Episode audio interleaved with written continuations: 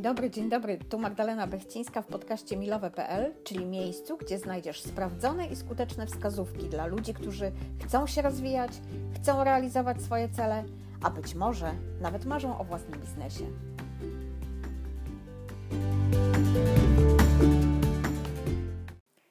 W dzisiejszym odcinku na tapetę bierzemy sobie zadowolenie z życia.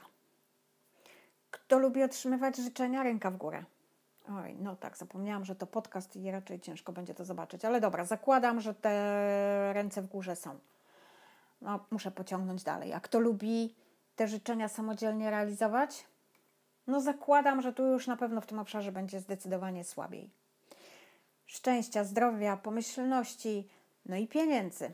To takie najczęstsze życzenia, jakie sobie składamy. I bardzo fajnie, jak ludzie sobie dobrze życzą bo mam wrażenie, że to tak coraz rzadziej się niestety zdarza. Ale gdyby jeszcze te życzenia miały moc takiej samoistnej przepowiedni, no to już w ogóle byłby cud, miód i orzeszki. Wczoraj w kolejce do kasy stałam się takim e, biernym uczestnikiem rozmowy o jakości życia. Że ta jakość to z roku na rok nam się pogarsza, że jest coraz gorzej, że jest coraz trudniej. No wiesz, już nawet nie chcę mówić, bo to takie, no takie w jednym tonie. Najpierw zwinęłam uszy w trąbki, żeby się od tego maksymalnie odciąć i nie zepsuć sobie dnia, ale co się usłyszało, to już się nie odsłyszy i zaczęłam się zastanawiać, co tak naprawdę mieli ci ludzie na myśli, mówiąc jakość życia.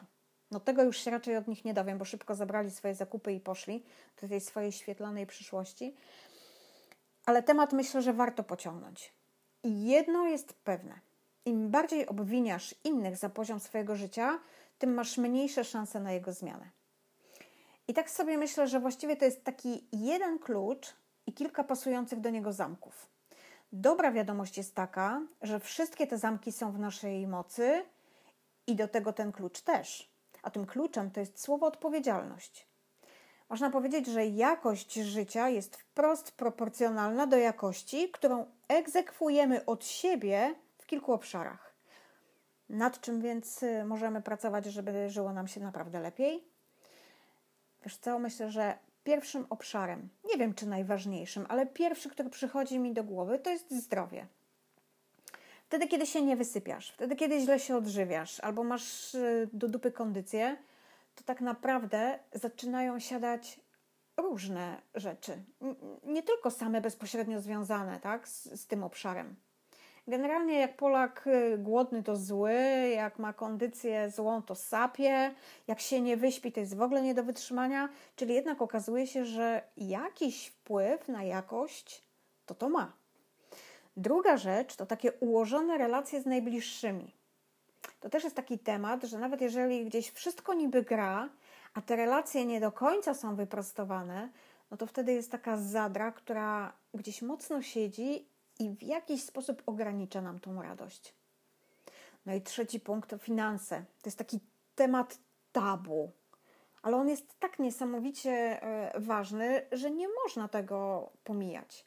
Jakość Twojego życia w dużej mierze wpływa od finansów, jakie możesz też i na nie przeznaczyć. I nikt mi nikt nie mówi, że pieniądze szczęścia nie dają, bo bieda jeszcze też nikogo nie uszczęśliwiła. Czwartym obszarem niesamowicie e, istotnym to są cele.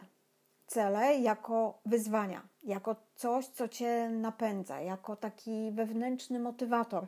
W tej chwili faktycznie wszyscy szukają motywacji, szukają tego czegoś, co będzie im, e, nie wiem, będzie ich napędzało. A prawda jest taka, że jeżeli nie masz celów, do których dążysz, no to co macie napędzać? To ta, napę- ta, ta motywacja jest zazwyczaj tylko na 5 minut i tylko taka pochodząca z zewnątrz. Jeśli masz dobrze ustawione cele, to masz tą motywację wewnątrz siebie i innej nie potrzebujesz. Piątym obszarem to będzie środowisko. Środowisko, w jakim się obracamy. I powiem Ci szczerze, że tutaj nie chcę tego tematu w żaden sposób rozwijać, bo przygotowałam oddzielny podcast i nagram go sobie jutro rano, więc jutro będzie do y, odsłuchania. Naprawdę zapraszam, myślę, że będzie ciekawie. Szósty obszar, i to taki ostatni i naprawdę niesamowicie ważny, a zupełnie ignorowany, to jest obszar naszych myśli, naszych własnych myśli. Można mieć pozornie wszystko, ale kiedy dajesz sobie popalić od środka, to przestajesz doceniać to, co masz, przestaje cię to cieszyć. Stajesz się tym, o czym myślisz. Więc naprawdę warto zadbać o to, co tam się w tej głowie wykluwa i mieć nad tym jednak jakąś kontrolę. Jak ogarniesz się na tych sześciu poziomach, to bez najmniejszego problemu wejdziesz na kolejny życiowy level i to na taką jakość, jakiej prawdopodobnie oczekujesz. Trzeba tylko pamiętać, że te obszary powiązane są ze sobą i załatwienie tematu na jednym z nich nie załatwia z automatu innych, choć bardzo temu sprzyja. Jasne, że one mogą funkcjonować oddzielnie, no pewnie, że tak, ale dopiero wszystkie razem sprawiają, że jest ta pełnia, że ta jakość życia tak faktycznie, widocznie rośnie. Jeśli masz jeszcze ochotę, żebym któryś z tych obszarów szerzej omówiła, jak ja to widzę i, i co można e, w tych obszarach zrobić, no to zapraszam Cię, napisz do mnie na adres biuro małpamilowe.pl. A teraz tutaj tylko wspomnę, że powstaje książka dotycząca jednego z tych obszarów. E, piszę o celach, jak je ogarnąć, tak żeby nikt nie miał wątpliwości. To będzie książka pełna naprawdę konkretnych wskazówek, jak dotrzeć tam, gdzie naprawdę chcesz być.